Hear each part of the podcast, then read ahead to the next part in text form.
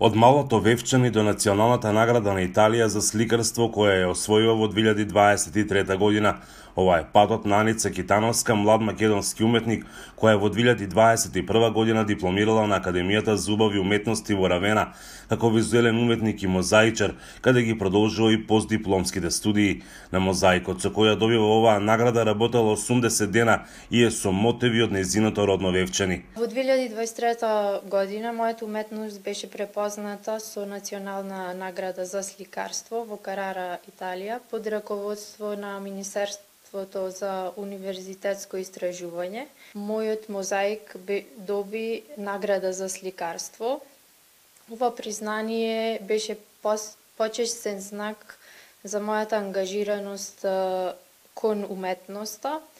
Ме мотивира да продолжам и да се развивам во мојата уметност, Каде и да оди од Вевчани никогаш не се откажува, тоа е вели незина постојана инспирација. Мојата главна инспирација на моите дела е моето родно место Вевчани, каде целиот живот сум обкружена со природа и тоа место е како извор на мојата инспирација.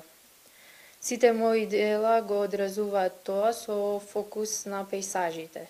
Најголем стимул и самодоверба во она што го прави добила кога нејзин автопортрет во 2019 година бил изложен во Амстердам, Холандија. Инспириран од стилот на Рембрандт, беше одбран помеѓу 8300 учесници од целиот свет. Ова чест беше посветена на 350 и 350 годишнината од смртта на Рембрандт и беше придружена со изложба во Рикс музеот во Амстердам, каде што само 575 дела беа избрани за представување и бев поканета како почесен гостин на отворањето. Делата Наница, која по професија е мозаичар, ги карактеризира специфична техника.